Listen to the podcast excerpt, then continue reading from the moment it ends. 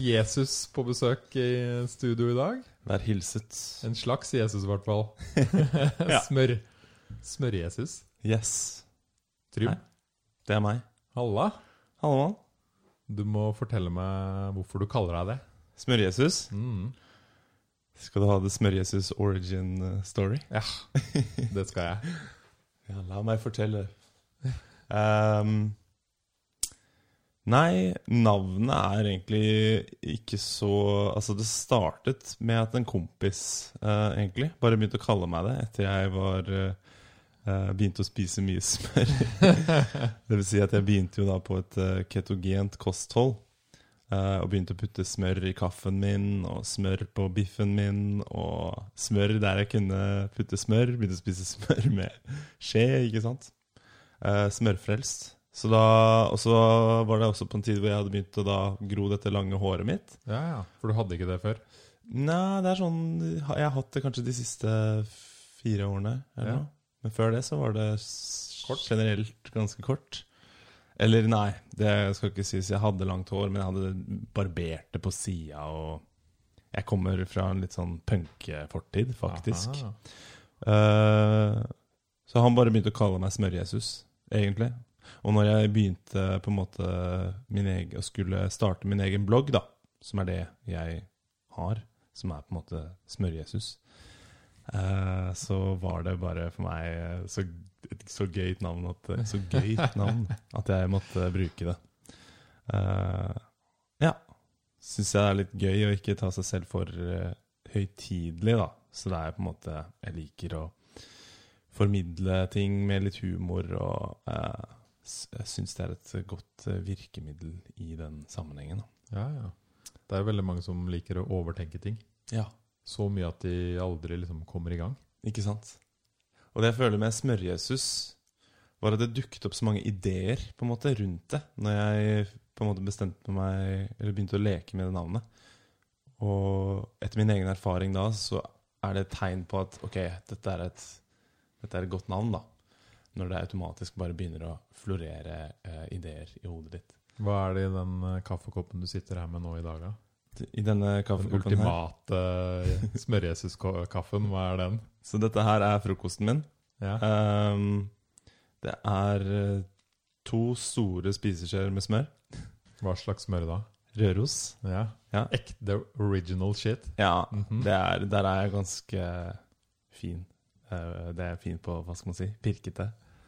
Jeg syns Røros er eh, veldig, veldig godt. Eh, og så er det en stor spiseskje med C8 MCT-olje. En liten teskje med Lions For de som ikke vet hva MCT-olje er, Ja. hva er det? Det er en type fettsyre, rett og slett. Som på en måte enkelt forklart er et veldig lett opptakelig og øh, effektivt drivstoff for kroppen. Du har kaffe, som er koffein, som kaffe. du våkner av. Og så Ja. har du smør, Ja. som er fett. Ja. Og så har du MCT-olje, som er Fett. også fett. Ja. Og så har du Lions Mane, som er for hjernen. Ja. Mm. Og litt uh, salt. litt salt. Også glad i salt. Um, og ja, det er vel det. For de som ikke har hørt om det her før, Ja. som sitter nå og tenker bare sånn What the fuck? Who's this er guy? det hva er det vi babler om? doing? ja. ja. Hva skal du si til dem? Um, Hva sier du til dem? ikke sant? Jeg sier, vet du hva, jeg forstår deg. Mm. Jeg forstår reaksjonen din. uh, og jeg er veldig vant med den. Um, men det her er jo da en måte å spise på hvor man um, hovedsakelig får energien sin fra fett. Da. Så det er konseptet. Jeg eh, lever en keto-livsstil og skriver om keto og veileder folk til å komme inn i keto. Så da kan vi jo si hva er keto for noe? Hele det overordnede målet med keto er jo å komme inn i en eh, metabolsk tilstand hvor kroppen forbrenner fett i stedet for karbohydrater. Så det er en tanke om at i cellene dine så, så er det et lite Cellene dine har en rekke organer. akkurat som vi har organer som gjør forskjellige funksjoner inni oss, eh, så er det en organelle, som det heter, som heter et mitokondrie.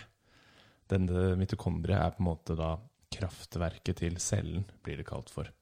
Så det er, står ansvarlig for å produsere energi som cellen kan bruke, ikke sant? Sånn at den kan gjøre alle sine cellete ting og fungere som en god celle Mm. i det store bildet av de 50 trillionene med celler som vi er.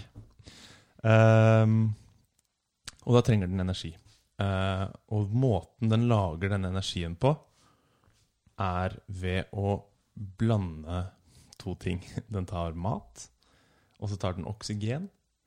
Og så på en måte, enkelt forklart, bare skjer det noen magiske prosesser som fører til at det klarer å skape eh, noe som kalles for ATP. Og ATP er på en måte energivalutaen i kroppen. Så det, hver gang det skal skje en kjemisk reaksjon i cellene dine, på en måte, hver gang Ja, hva som helst, så, så trenger, trengs det et eh, ATP-molekyl for å sette i gang den prosessen. For å skape energi. For, å, for, å, ja, for, å, for at en, en, en energikrevende prosess skal kunne på en måte puff, skje, da. Mm. Og det er alt fra, er det alt fra liksom bevege kroppen? Bevege kroppen, Ja. yes. Men også slippe ting inn og ut av cellen, ikke sant? Eh, sende signaler, ikke sant? Nervesignaler som, som går fra hodet til overalt i kroppen, fra, i nervesystemet ditt. Ja. Eh, alt som på en måte trenger en liten sånn spark for å settes i gang. Og det er veldig mye. Mm. Eh, trenger da dette ATP-molekylet som blir laget i mitokondria. Um, så, så Jeg sa, nevnte at du kan bruke mat og oksygen. Nå blir det litt teknisk. Ja, men jeg bare, nå bare kjører jeg på. Ja, ja, jeg spør, jeg. Hvis Eh, for det her går dypt. mm. Um, og, og da kan den bruke enten sukker som en fra, fra mat, uh, fettsyrer, eller da denne siste tingen som vi skal gå mer inn på, noe som heter ketoner, som er et eh, på en måte tredje drivstoffkilde som vi nå har funnet ut har veldig mange interessante effekter. Så er det disse tre som gir kroppen energi? Ja. Eller som du forbrenner Som kroppen bruker i Ja. en energiproduksjonsprosess, da, Ok. rett og slett. Så en måte å få energi på er å spise sukker? Ja, og da får cellene det inn i seg, og så, Ja. og så bruker de det til å produsere dette ATP-molekylet, Okay. ikke sant? Eh, men du kan bruke fett også, fettsyrer. Og så kan du bruke da disse ketonene, som er en egen liten greie. Um, og det man ser er jo at, for å si det på et veldig enkelt plan, er jo at uh, sukker er et litt mer, mindre effektivt drivstoff. Det vil si at det produserer mindre energi per enhet. Jeg Eh, føler jo du får sånn veldig fort mye energi, Ja. men det er ikke langvarig. Nei, det er også noe man kan snakke om. ikke sant? Fordi det blir veldig, Hvis man, eller hvis man drikker f.eks. en brus da, som, som bare er sukker, så er det, blir det veldig lett absorbert. Så kroppen din tar opp alt med en gang. ikke sant? Så får du litt sånn speed-feeling og bare Aah. Ja, altså fylles cellene dine med energi. Uh, men kroppen vil ikke ha dette sukkeret for lenge i blodet. For det er det som skjer. ikke sant? Du får det ned i tarmen. Tarmen absorberer det inn i blodet. Og så, men, men sukker er faktisk skadelig i blodet. Så kroppen vil ikke ha for mye sukker i blodet. Så den, den er veldig sånn Ok, nå må vi få dette her inn i cellene så fort som mulig. Så du får Du fyller de cellene som trenger energi, med energi. Og så blir det, forsvinner det ganske raskt. da Så det er der du får den der blodsukkerkrasjen. Som bare Wow, der var det plutselig en mangel på energi. Og så blir du sykt avhengig av det. Det blir det også. Ja. Og det, det kan vi også snakke masse om. For det er det jeg har funnet ut med meg selv, faktisk, i det siste. At jeg er en sukkeravhengig. Litt som en alkoholiker som Mm. alltid vil være en alkoholiker. da Sukker er liksom sånn uh, rusmidlenes kokain. Ja. For at det er litt sånn Det er litt sånn hidden. Det er litt sånn skjult i maten vår. da. Ja. Men du blir veldig avhengig av det. Yes. Ja, det er som den derre Du ser disse stamme Jeg husker ikke hvilken stamme det var, som driver og tygger disse kokabladene. Ikke sant? Og de klarer å ha et sunt forhold til det, Mm. fordi de, de eh, spiser det i sin naturlige form.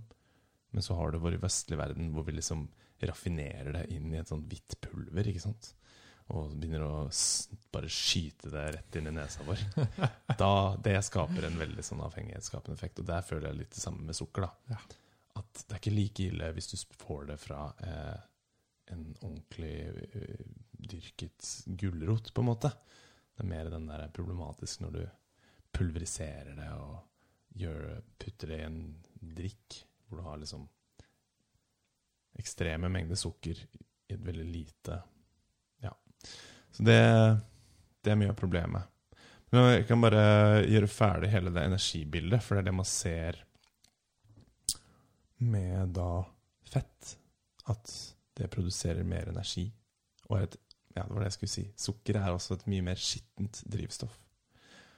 Så du kan se for deg denne kraftverket som en, som en bilmotor, ikke sant? I cellen.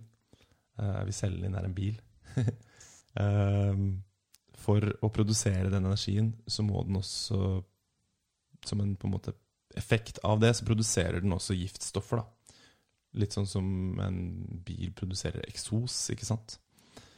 Um, og man ser at sukker er da et ganske skittent drivstoff. Dvs. Si at det produserer langt flere uh, frie radikaler, kalles disse. Som er på en måte Kan ha en skadende effekt på kroppen, på celler, hvis de, hvis de er til stede i for stor grad i kroppen vår.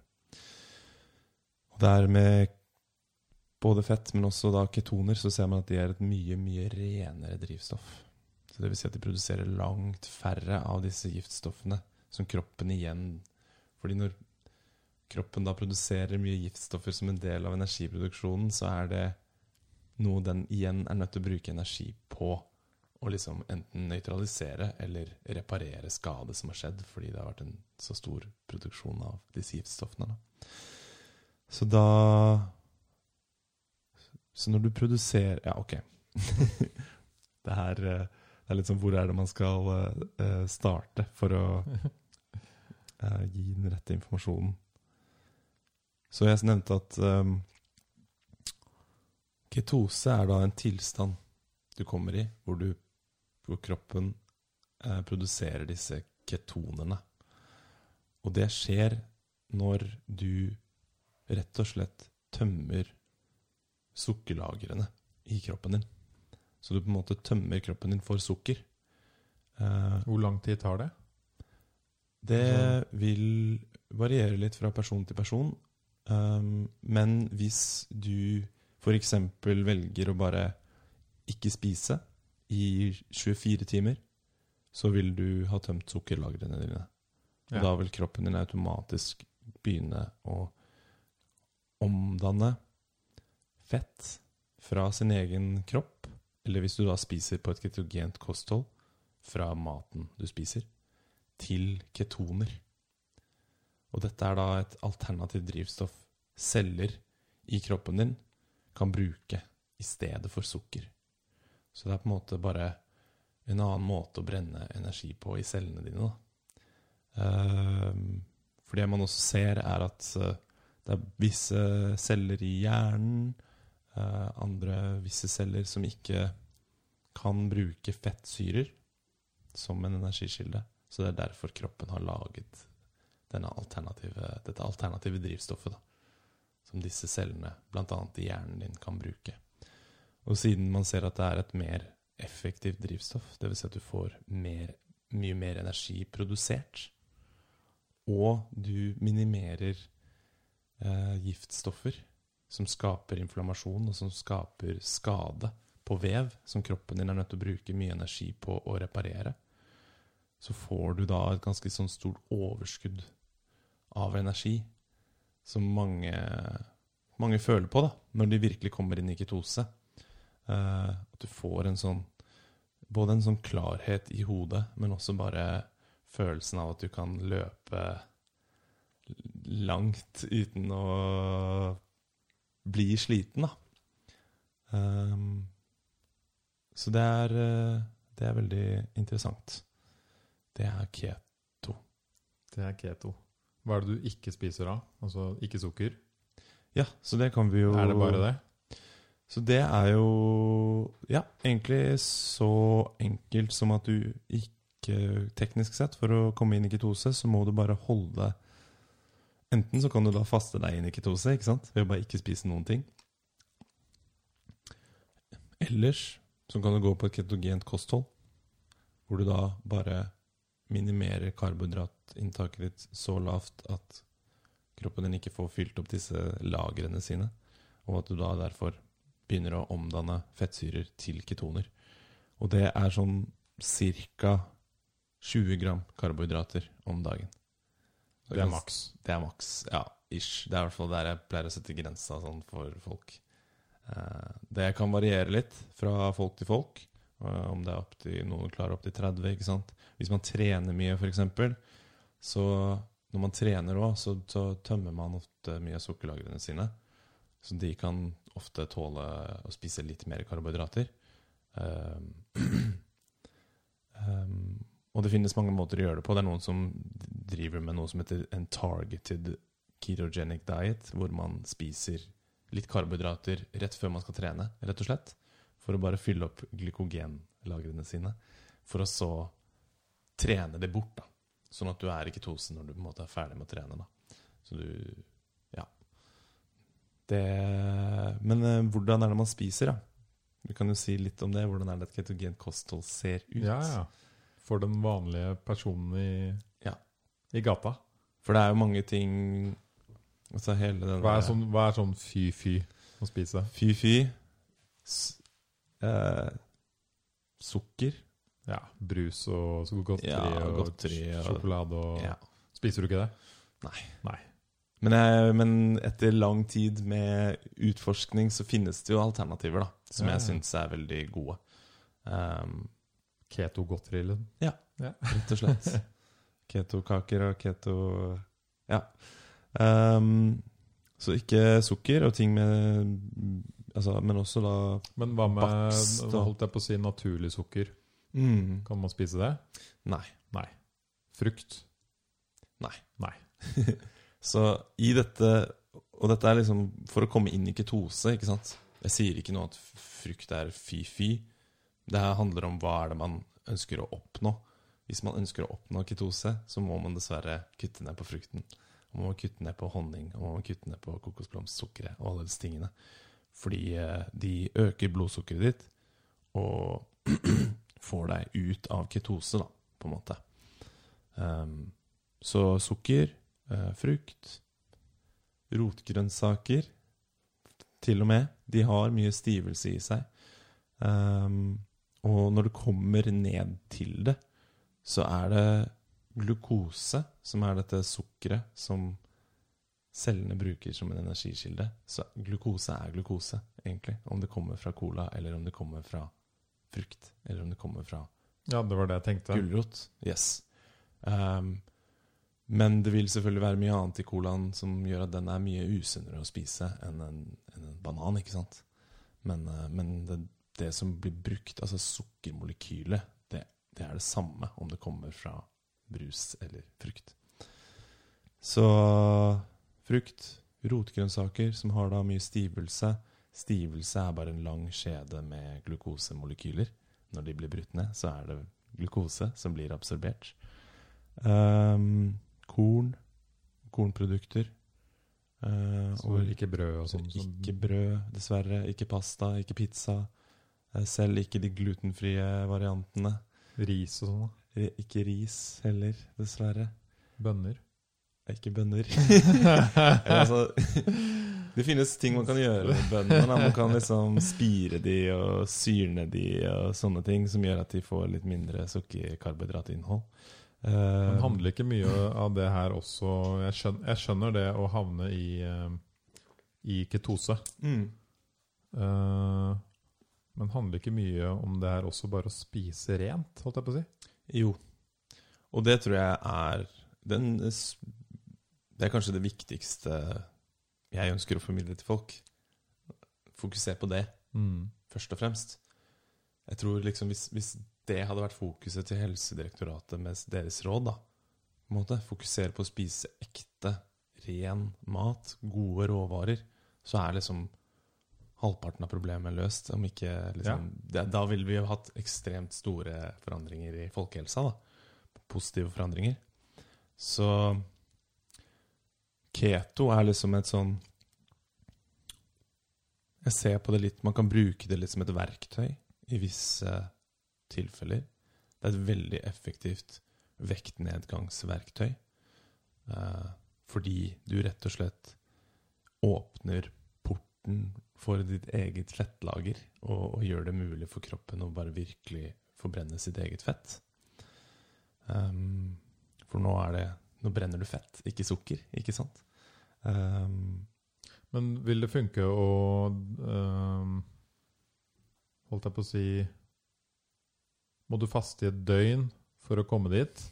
Eller kan du liksom faste i 16 timer og drikke en smørkaffe, og så ikke begynne å forbrenne fett? Så det finnes flere metoder, da. Det gjør det. Og det er jo på en måte det jeg har spesialisert meg i. Så keto kan være litt eh, problematisk å komme seg inn i. Fordi du, hvis, la oss si at du er 40 år, da, og du har spist eh, karbohydrater siden du var eh, liten gutt og fikk brødskive med leverpostei, på en måte, så, så vil dette ketose, som er da kanskje et jeg vil kalle det et metabolsk system, eh, være noe som ikke har vært bruk i, i bruk. Kroppen har ikke hatt behov for å bruke det på liksom mange, mange, mange, mange, mange, mange år. Så det er som en sånn derre Jeg ser for meg en sånn rusten maskin som du på en måte har bare lagt opp på loftet, og det har bare ligget der og eh, støvet og rusta, og nå skal du liksom plutselig ta den ned igjen og, og Skal du bytte med elbil? ja, ikke sant? så da Det kan jo være litt harkete å komme seg inn i det i starten. Og cellene dine vil kanskje være litt forvirra. Sånn, hva er det som skjer? Nå er det plutselig noe helt annet. Vi er nødt til å tilpasse oss, da. Um, og da kan folk oppleve noe som kalles for ketoinfluensa. Som man har kalt det. Fordi det er litt sånn Kroppen sier 'hva faen er det du holder på med'? Ja, Ja. og det er bare en endring, da, og kroppen må tilpasse seg, og da er det visse symptomer som kan dukke opp, eh, som kan gjøre Som kan være litt ubehagelige, da. Som er litt sånn influensaaktige symptomer. Vondt i hodet, slapphet, hjernetåke, eh, løs mage. eh, ja, en rekke andre. Eh, som kan være Som også bare kan være rett og slett Jeg tror det også kan være bare en, en withdrawal. En karbohydrat-withdrawal, liksom. Det er det jeg vil tro. Ja. Litt som en, som en alkoholiker som nå plutselig får Ja. eh, kutta dopet sitt, så vil det være kroppen vil ha en sånn Den sier til deg bare 'please, gi meg'. Ja, ikke sant? Fyll på. Prøver å klamre seg til denne avhengigheten. Um, Det sitter så sykt dypt. Prata mye om det på den podkasten her. mm, I vaner, da. mm, Som du sier, hvis du har Ja. spist brødskiva di i 40 år, yes. så er det helt vanvittig vanskelig å endre på det. Mm, Folk bare ja, 'Hva skal jeg ha til frokost', da? ja, Jeg, jeg skjønner ingenting, jeg. Nei. Hva er det jeg skal spise, da? ikke sant? Det å, ikke, det, å kunne, det å spise egg og bacon, eksempel, uten en brødskive, da. Det Det virker helt Ja. banalt. Men det er en superfrokost, liksom. Ja. Egentlig, faktisk. Bare egg, litt egg og litt Altså, du, bacon. du har jo ofte de eh, hvis, hvis jeg tenker, da, Mm. På keto-dietten nå, så har du jo ofte de rettene du mange pleier å spise, og så fjerner du bare brød og ris og Ja. Ja. bønner og liksom det du har på siden. Ja. Ha litt ekstra grønnsaker og litt ekstra kjøtt, liksom. Og kanskje en god kladd med smør. Mm. Eller noe annen olje. da. Um, hvis, jeg lager, hvis jeg lager altså En typisk keto-middag for meg er jo bare å lage et godt uh, kjøttstykke, en entrecôte eller noe sånt, med noen stekte grønnsaker i panna. ikke sant? Noe brokkoli og um, kanskje noe Ja, brokkoli og noe kål. Steke det med noe deilig krydder og litt smør og kanskje litt kraft, hvis jeg har det i kjøleskapet. Og så bare ha en stor smørkladd på biffen min, og kanskje også litt på grønnsakene når de er ferdig stekt. Og det er jo bare Det er jo rågodt. Hva med kolesterol og sånn? Mm. Ja. Yes. Det, det tenker jeg jo er Ja. viktig å fundere litt. Adressere. Ja. Ja.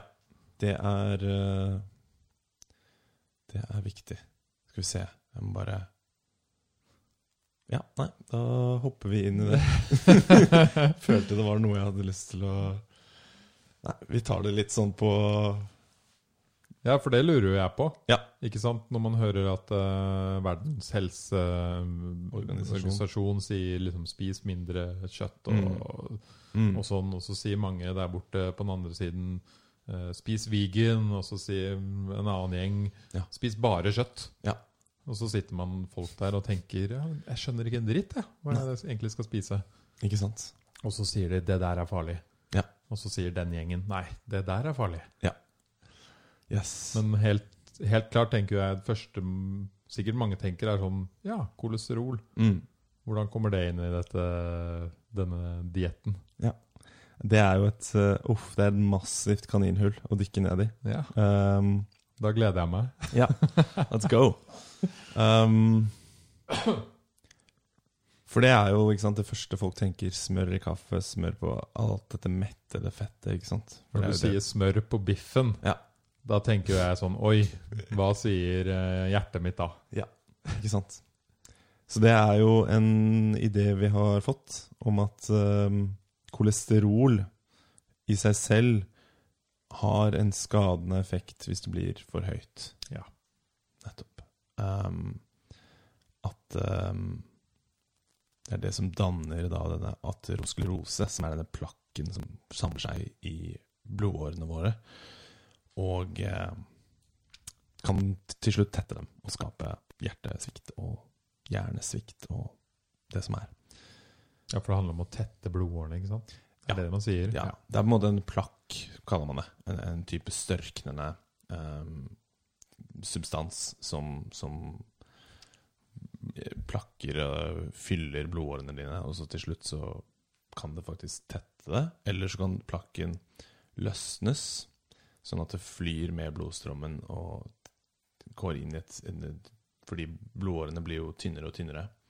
Og så treffer da liksom en av de tynne hvor den ikke får kommet seg gjennom, og så tetter den igjen, og så pff, får du hjerteslag eller hjerneslag eller um, Dette var jo noe som En hypotese som ble dannet uh, på 50-tallet, var det vel, av en mann som heter Ansel Keys. Ehm, som etter å ha sett at det var en økende prevalens av hjertesykdom, fikk oppgaven av å undersøke dette. Da. Så han var en fysiolog. Han reiste rundt i Europa og så litt på land. Og, og hadde da denne hypotesen om at uh, mettet fett Fordi man så det, kolesterol i denne plakken. Og, og tenkte derfor liksom at dette var skurken. Ehm, og hadde da den hypotesen om at mettet fett øker kolesterol.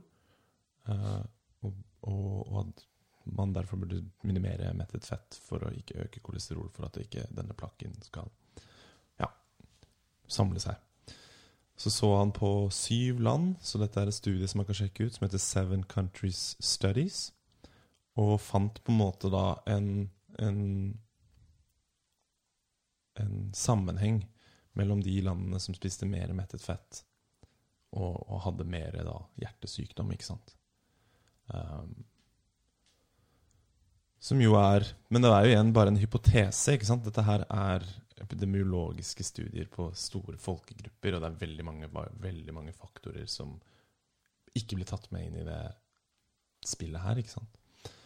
Uh, og det man ser i ettertid også, var at han hadde faktisk tilgang på data fra 21 land. Og når du putter dataen fra disse landene inn i den kalkylen hans, så ser du at bare her er, her er det ikke noe sammenheng i det hele tatt. da. Og det er faktisk mange land hvor man ser som har mye eh, inntak av mettet fett, som har veldig gode markører for hjertesykdom. Um, Ja, hvordan er det altså Jeg tenker jo på, så holdt jeg på å si, Frankrike og Italia og sånn. Der spiser Mm. de vel mye Ja. Så Mye der har du The French Paradox er jo noe som blir kalt Det blir jo kalt det fordi det er et paradoks, ikke sant? Ja. Franskmennene spiser masse fet ost og, og smør og sånne ting, og har fortsatt gode eh, På en måte stat god statistikk da, for hjertesykdom. Så det er veldig mye sånt som bare ikke don't add up til den hypotesen. Det er veldig mye som utfordrer den hypotesen. Og det har kommet veldig mye vitenskap nå i senere tid etter at den på en måte har blitt veldig sånn indoktrinert, som bare viser at det her Yo, vi er nødt til å ta en ekstra titt på det her, fordi ny den runde. hypotesen er outdated. Mm. Det, er, det stemmer ikke. Det er, vi har også fått eh, en større evne til å, å måle ting bedre, og observere ting bedre, og, og se på hvordan ting faktisk fungerer. Fordi vi hadde jo ikke muligheten til på den tiden, eller i hvert fall veldig limited. Så nå forstår vi mye mer. Problemet er at vi på en måte tok den ideen og bare sånn inngraverte den inn i kulturen vår og bygde liksom et matsystem rundt den og hadde store markedsføringskampanjer og ikke sant? Bare gjorde en stor greie ut av det. Skapte en veldig sånn sterk frykt for fett og trodde at det skulle eh, hjelpe. Men man har jo bare sett, og det kan man se også presis liksom fra disse kostrådene ble innført, at det bare har en økende kurve. Folk spiste bare mer. Av, ja, folk, det er en økende kurve av disse sykdommene som vi faktisk ønsket å kurere. da. Hjertesykdom, diabetes, overvekt. Det bare øker og øker og øker. Så det er jo på en måte, det for meg er jo nok til å bare kunne si at vi er nødt til å ta en ny titt på dette her. Mm. For det funker ikke. Dette var jo gammel forskning. Ja. Uh, hvor er vi i dag? Ja. Hva, eller hva veit du om det? Så i dag um, kan jo si litt om kolesterol, da, og liksom hele den Hele den uh, Hva som egentlig funker, hva kolesterol er. Fordi kolesterol er et kjempeviktig næringsstoff i kroppen vår. Kroppen vår produserer masse kolesterol hver dag. Uh, 75% av kolesterolet du bruker i kroppen din, produserer kroppen din selv. Det er sånn Hvorfor skal kroppen din produserer så enorme mengder av dette, eh, dette stoffet hvis det er så skadelig for deg? Ikke sant? Naturen er jo ikke så dum. um, og det brukes til masse forskjellig. Um, blant annet store, store deler av hjernen din er kolesterol. Og ja, det brukes til å syntesere masse viktige hormoner, som vitamin D og kortisol og, og, og sånne ting. Um, ok. Så kolesterol er det man ser for man snakker om det gode og det dårlige kolesterolet. ikke sant? Og det er også en stor veldig sånn misoppfatning, fordi det, det dårlige kolesterolet og det gode det er, det er ikke kolesterol, egentlig. Det er et, um, et transportprotein, kaller man det. LDL. Det står for um, Shit, hvor er hjernen min? Uh, low density lipoprotein. Så lipoprotein det er en, en, en frakter av fett, rett og slett. Så kolesterol frakter fett. Ja, Er det det nei? LDL, da, som er et protein, men som blir kalt det dårlige kolesterolet av en eller annen grunn, frakter bl.a. kolesterol. Mm. Det frakter fettsyrer, som eh, cellene trenger for å bruke energi, ikke sant? Og så frakter det visse antioksidanter eh, og eh, vitaminer og sånne ting. Så det, har også en liten, sånn, det er en liten sånn medic også, som er igjen, da.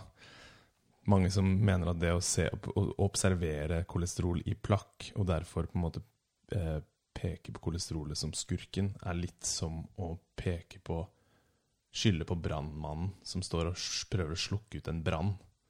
Det, for at det var han som på en måte Kolesterolet er der egentlig bare til å hjelpe på en skade som har skjedd. Um, men det kan vi komme tilbake til. Um, så det frakter da kolesterol, som er på en måte en slags byggestein som kroppen bruker til å bygge visse strukturer. Jeg snakket om hormoner, eh, sånne ting. Triglycerider, som er da fett, som cellene trenger, kan bruke som en kilde til energi. Eh, som igjen da er grunnen til at man kan få et økt kolesterol når man spiser keto. Fordi du får et større behov for fett til cellene dine. Og tingen med fett er at det ikke fraktes så lett gjennom vann. Ikke sant? Så fett og vann det er ikke to gode samspillere. Um, så man snakker om at noe er fettløselig og noe er vannløselig. Ting som er fettløselig, er- nødt til å fraktes i sånne transportproteiner gjennom kroppen vår. Fordi eh, blodet er jo vann. Eh, det er derfor vi har disse LDL-proteinene, fordi de frakter fett og kolesterol rundt i kroppen. Rundt i denne blodet, som er vår eh, kanskje informasjonsmotorvei, ikke sant? Um, så når vi da spiser keto, så vil vi naturlig få et økt behov for disse partiklene. Fordi vi trenger LDL. Vi, ja, vi bruker mer fett, ikke sant? For man trenger LDL Mm. for å frakte fett Ja. på en bedre måte i kroppen. LDL er et transportprotein, Ja. rett og slett.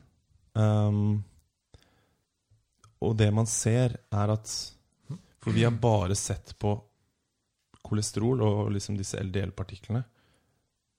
Og brukt det til å, til å adressere hvorvidt du er i risiko for å utvikle hjertesykdom.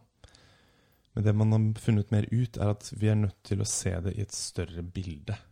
Vi er nødt til å se på en rekke andre faktorer for å avgjøre om dette høye kolesterolet er problematisk. Fordi vi ser at folk kan ha høyt kolesterol og være kjempefriske og sunne. Og man ser at folk kan ha høyt kolesterol og være syke og utsatt for sykdom. ja, det er jo det som er skummelt her, Mm. ikke sant? Så vi er nødt til å se på litt andre markører. da. Så vi er nødt til å se på inflammasjon. Så man kan måle eh, hvor mye inflammasjon det er i kroppen din ved å se på hvor mange av disse inflammatoriske kjemikaliene som befinner seg i blodet ditt.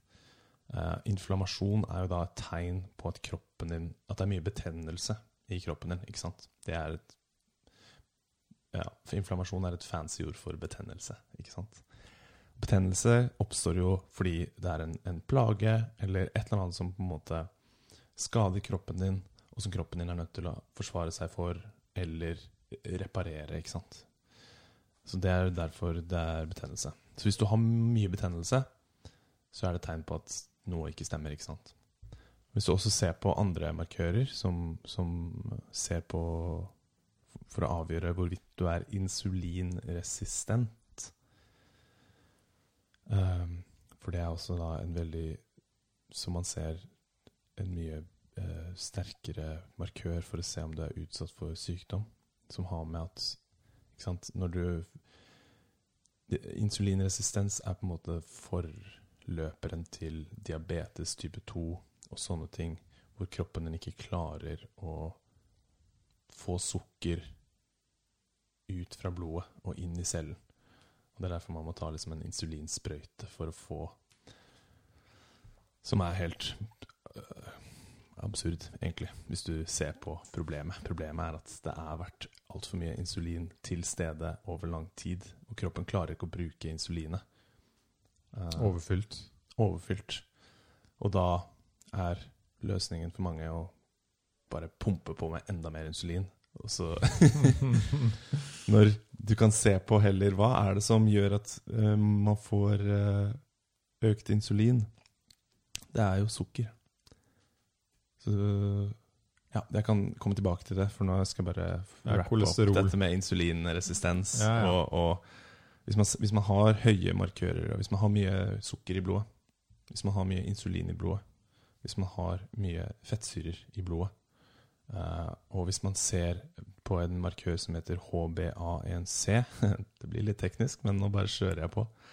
Um, som er en, en markør for å se på gjennomsnittlig blodsukker i løpet av en lengre periode. Så i ca. en måneds tid så kan man se liksom litt sånn hvor mye sukker har det vært i blodet på en gjennomsnittlig basis. Hvis det er mye sukker i blodet og mye insulin, så er det et tegn på at du ikke får brukt uh, Altså insulinreseptorene dine ikke fungerer, da, og cellene dine ikke klarer å få dette sukkeret inn i cellen. Hvis du da i tillegg har et høyt kolesterol, så kan ting bli problematisk.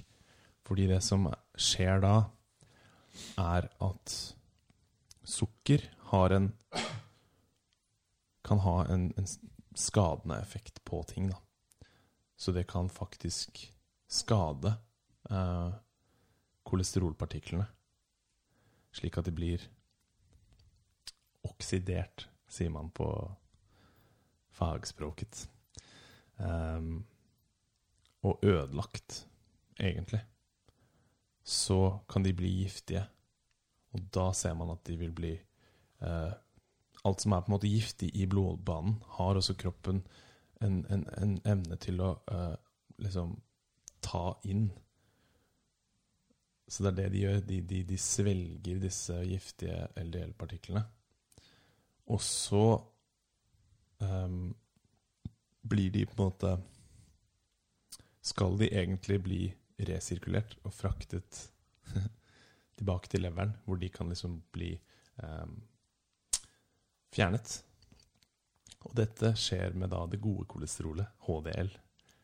En av dets oppgaver Det er veldig mange oppgaver, men en av dets oppgaver er faktisk å frakte skadet, skadede partikler sånn som det, som på en måte legger seg under, under blodåren. Fordi det blir svelget av blodårene, ikke sant? og så legger det seg der, og så skal det egentlig bli fraktet til leveren. og Er det da det kan tette seg? ja, Mm. fordi hvis du da igjen får lavt HDL, som er dette gode kolesterolet, som egentlig skal resirkulere disse skadede partiklene og på en måte fjerne dem ut av blodet Hvis det er en, bare en konstant tilstedeværelse av ikke sant, sukker, fett du, Til slutt så er det så mye sukker og insulin at kroppen din ikke klarer å få eh, sukkeret inn i cellene lenger, så det blir bare masse sukker rundt i blodbanen din.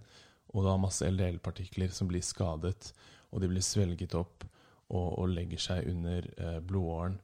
Og, og så er det hvis, det hvis dette skjer konstant, så vil ikke kroppen ha kapasitet til å eh, resirkulere. Da. Og over tid, ikke sant, etter 50 år hvor du har spist på denne måten, så tetter det seg igjen, da. Så det er eh, Det er litt sånn jeg ser for meg det skje. Jeg prøver å forstå det. Det, Ja. det kan være greit å ha høyt kolesterol. Ja. Og det har de forska på og funnet ut at Det har man faktisk sett, at det kan ha en beskyttende effekt Det kan mot beskyttende effekt. infeksjoner og sånne ting. Fordi det har en Som jeg nevnte, kolesterol er egentlig en hjelper som kommer og, og leverer, forsyner eh, celler med medical supplies. Eh, så i et sånt tilfelle, så hvis, hvis ingen av disse betennelses... Hvis, alt, hvis du ikke har så mye betennelse i kroppen, da, og insulinreseptorene dine bare fungerer strålende, så det er ikke så masse sukker i blodet, og det er fettsyrene er liksom i disse transportproteinene, og mm. så ja, så vil ikke kolesterol ha en skadende effekt. Da, da kan det faktisk ha en beskyttende effekt. Det ser man også. Det er, det er, er det Framingham Study, hvor du ser på eldre personer, hvor man ser at uh, høyere kol kolesterol er forbundet med økt levetid og ja. hos de som har en sunn og positiv kolesterol. Ja. Men hvis du har en på en måte en øh,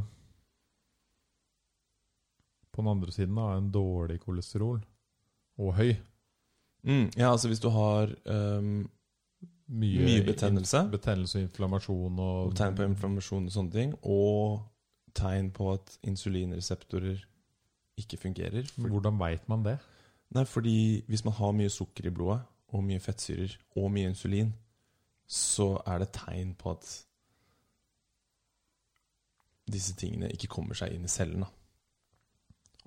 Fordi, ok, Så da kan vi snakke litt om hva insulin er, da. Når du får sukker i kroppen din, i blodet ditt, egentlig, så trengs det et hormon som er da en, en på en måte en budbringer. Eh, en nøkkel kan du se på som dette hormonet. Som kan åpne opp cellene og gi liksom tilgang til sukkeret. Så det er liksom en dørvakt som på en måte bare eh, kan stå og sjøfle sukkeret inn. Og det er han som på en måte bestemmer om sukkeret får komme inn eller ikke. Så det er som en nøkkel også, som på en måte åpner opp porten i cellen for at sukker kan komme inn i cellen og bli brukt som energi.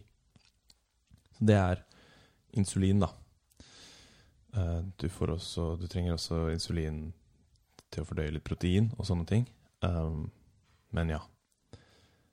Så det er rollen til insulin. Så når du da ser at det er mye insulin, mye fettsyrer og mye um, sukker i blodet, og du ser det også som på det, Jeg snakket om denne markøren som hadde sånn gjennomsnittlig blodsukker. Ikke sant?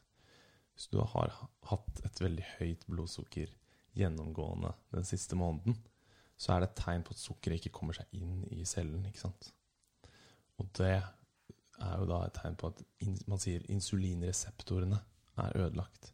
Fordi på alle cellene Det sliter ut. Det sliter ut. Ja. På alle cellene dine så er det da en reseptor, ikke sant? Et reseptorprotein. Eh, som da Det kommer et insulin i blodbanen, og så kobler det seg på denne reseptoren. Og da liksom kan porten åpne seg, og så kan sukkeret liksom komme inn. Mm. Og det er den Men hvis du da har ødelagte insulinreseptorer, så kommer ikke dette insulinet seg på reseptoren, og du får ikke åpne døra. Og da blir sukkeret bare liggende i eh, blodbanen. Og kroppen produserer da igjen mer insulin, fordi den, den merker at det er sukker i blodet. Ikke sant? Og så er det en veldig sånn ond sirkel da, som setter i gang en sånn Ja, veldig metabolsk, problematisk eh, Mm. prosess. Som da kan føre til diabetes, ikke sant?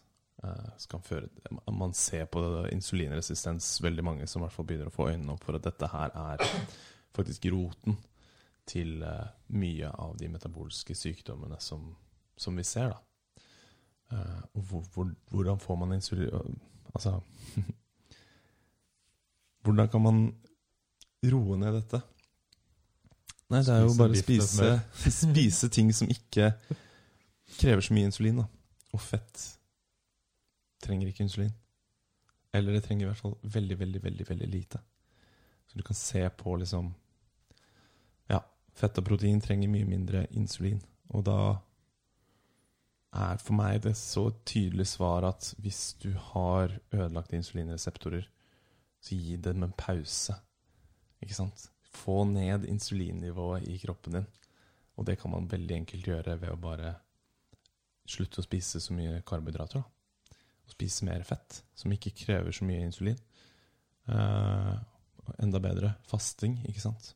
Men det er også noe som da blir mye lettere når man er i ketose. Fordi du har tappet inn på dette fettlageret ditt.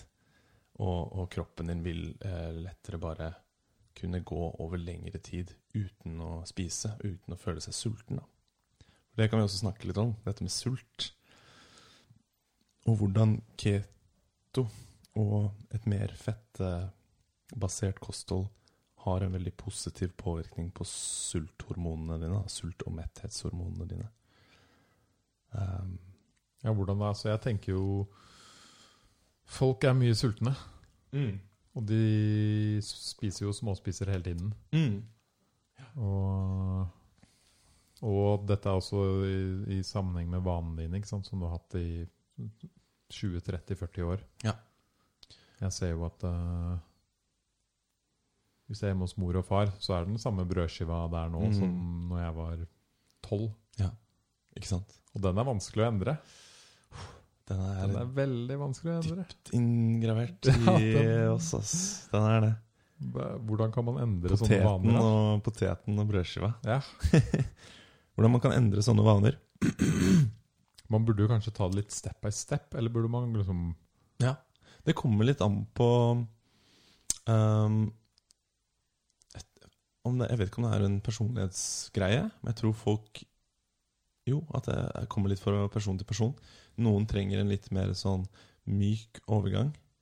Mens det er noen sånne som meg, som er veldig sånn Kan bare Hardcore. stupe inn i det fra dag én og bare sånn Nå kutter jeg alt av det som jeg ikke kan spise, og nå bare kjører jeg på med dette her eh, for å teste det ut. Det er vel det- sikkert også litt vanskeligere for det første hvis du har barn. Ja. Ikke sant? Eller for det andre hvis du bor sammen Ja. to-tre andre, da. Ja. Uh, og alle har de samme vanene. Absolutt. Absolutt. Så det her er en eh, Det er en eh, litt sånn tøff eh, reise. Jeg har Så- jo hørt historie om en gammel Ikke en gammel, en tidligere bekjent der jeg vokste opp. Han var veldig, veldig, veldig sjuk. Ja. og hadde diabetes og hele pakka. Ja. Og legen sa hvis du fortsetter å spise som du gjør nå, så dør du. Mm. Og, det, og han fikk sånn fettsuging. Okay, Ja. Fjerna masse fett sånn fra kroppen. Og ble mye tynnere. Mm.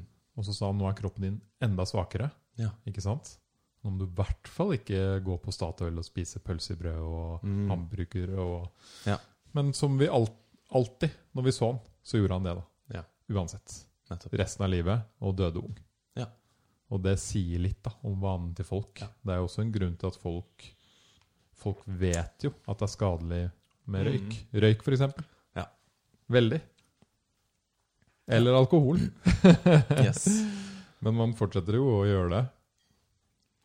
Og, ja. men, men den Ikke sant, som du eh, Disse um, matvanene sitter nesten enda dypere i oss. Ja.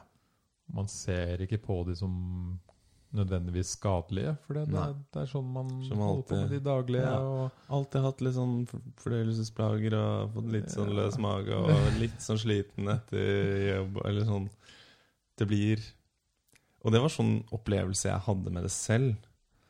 Så når jeg prøvde keto for første gang, så var det en litt sånn herre Det var som å kjenne på noe helt nytt da, som jeg aldri hadde kjent på før, som jeg ikke visste eksisterte i meg. da. Det var som om jeg eh, Mitt, mitt eh, Mitt generelle Altså min eh, list ja. for liksom hvor mye energi jeg kan skape, lå liksom på et spesifikt punkt. Og så fikk jeg plutselig kjenne at den lista kan bare heves enormt, da. Så det var bare sånn Ja. ja, for jeg tror på en måte den inngangen Mm, til en sånn endring i livet mm, er mye bedre å se på. Ikke Ja. sant? Hvis du står opp om morgenen, spiser fire brødskiver med skinke eller brunost eller whatever, og så går du ut av døra, og så drikker du en kaffe, og så får du dårlig energi, Ja. da er det noe feil. Ja. Ikke sant? Yes. Og så vil kroppen din bare ha mer av det, så den eneste du tenker på, er lunsjen. Mm. Og da dytter du i deg mer av det samme. Ja. Og så får du igjen Altså du får jo alltid en sånn liten boost, ikke sant? Ja. Som vi har snakka om. En sånn liten karbohydratboost eller sukkerboost eller noe som varer en time. Ja. Og så går det ned igjen etter lunsj, og så fyller du på med sukker og Det er det som er litt sånn Sånn galskap, da. Fordi vi, har blitt, ja, fordi vi har blitt fortalt at vi må spise seks måltider om dagen. Egentlig bare for å holde oss på den der sukkerhaien. Sånn at den, vi ikke får den krasjen og liksom begynner å eh, Fordi vi alle vet hvor dårlig dømmekraft man kan få når man er på en blodsukkerkrasj. Ikke sant? Da er det bare sånn hvor Nei, oi, shit, der er 7-Eleven. Jeg stikker inn og kjøper en pølse og Snickers, ikke sant? Og så fordi du, du den, tar, den tar over deg, ikke sant? Den, du, du klarer ikke å tenke på noe annet, og du, du blir helt sånn Det er som en, du blir en demon som bare «Rar, Jeg trenger mat! ah!» Ikke sant? Det føles jo sånn. Um, så det er, og da? Og vi, når vi også blir fortalt at vi må spise 50% av energien vår fra karbohydrater, holde oss lav fett, ikke sant? Så får vi jo bare masse karbohydrater i oss, da, så holder vi den der insulinnivået bare konstant oppe. Og disse insulinreseptorene blir sakte, men sikkert slitt ut, og så bare mm, en metabolsk eh, katastrofe som, som venter, da. Um, Så det, det er jo litt når, når, man, når vi har dette systemet i oss, som er et helt naturlig system Jeg driver og utforsker eh, mm, amming og ser på liksom Ja. Så jeg har lært en del om litt sånn Man ser at i, i fosteret, altså i, når barnet er et foster i magen til moren din, så er det i en periode et av semesterne, trimesterne hvor det er forsynt med 30% Altså energien er 30% ketoner. da. Og Man ser det også i barn. I de første delene av årene så er de i ketose. Eh, så det her er liksom ikke noe sånn herre krise Det er ikke noe farlig. Det er ikke fordi man, man tenker at jeg må sulte meg selv, og, og da går kroppen inn i en sånn, sånn krisemodus hvor den produserer disse ketonene. Det her var nok veldig vanlig for oss i vår utvikling å gå lengre perioder uten å spise. Ikke sant? Vi, var, vi har vi dannet et veldig, en veldig effektiv måte å legge på oss. ikke sant? Hvorfor legger vi på oss? Hva er alt dette fettet vi har på kroppen vår egentlig? Det er energi, det er matpakker som vi kan benytte oss av. Lagre. Ja, som vi kan Mm. benytte oss av i en tid hvor mat ikke er tilgjengelig. ikke sant? Fordi vi gikk, som sagt, vi, hadde, vi levde i lange vintre ikke sant? hvor vi ikke hadde tilgang på noe. Det var ikke noe planter på trærne og frukt å plukke og bær på buskene som vi kunne spise da. Da spiste vi enten kjøtt, jakta vi kjøtt, eller plukket opp scraps fra, som andre predatorer hadde liksom lagt igjen til oss. Eh, eller kanskje noen insekter og noen fisk og noen greier. Men eh, Og så brant vi da fettet. Som vi kanskje også da For det er jo mange som ser på da, ikke sant. Du har en, en et begrenset eh, tid, eh, sommeren, hvor du da har planter, frukter, bær, kanskje honning, eh, som er da kilder til karbohydrater, rett og slett. Eh, kjøtt har basically ikke noen karbohydrater. Um, men um, så man at, Og at man faktisk Det var kanskje var perioder hvor man la på seg mye, da. Faktisk karbohydrater er en veldig effektiv måte å legge på seg. Eh, men at det gikk fint å gjøre det i en periode, fordi det ville komme en vinter hvor vi da kunne liksom brenne alt fettet vårt.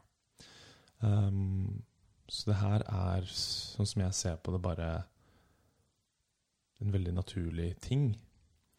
Og man snakker om Så jeg, jeg tenker liksom keto kan være sunt for folk å, å lære seg på nytt.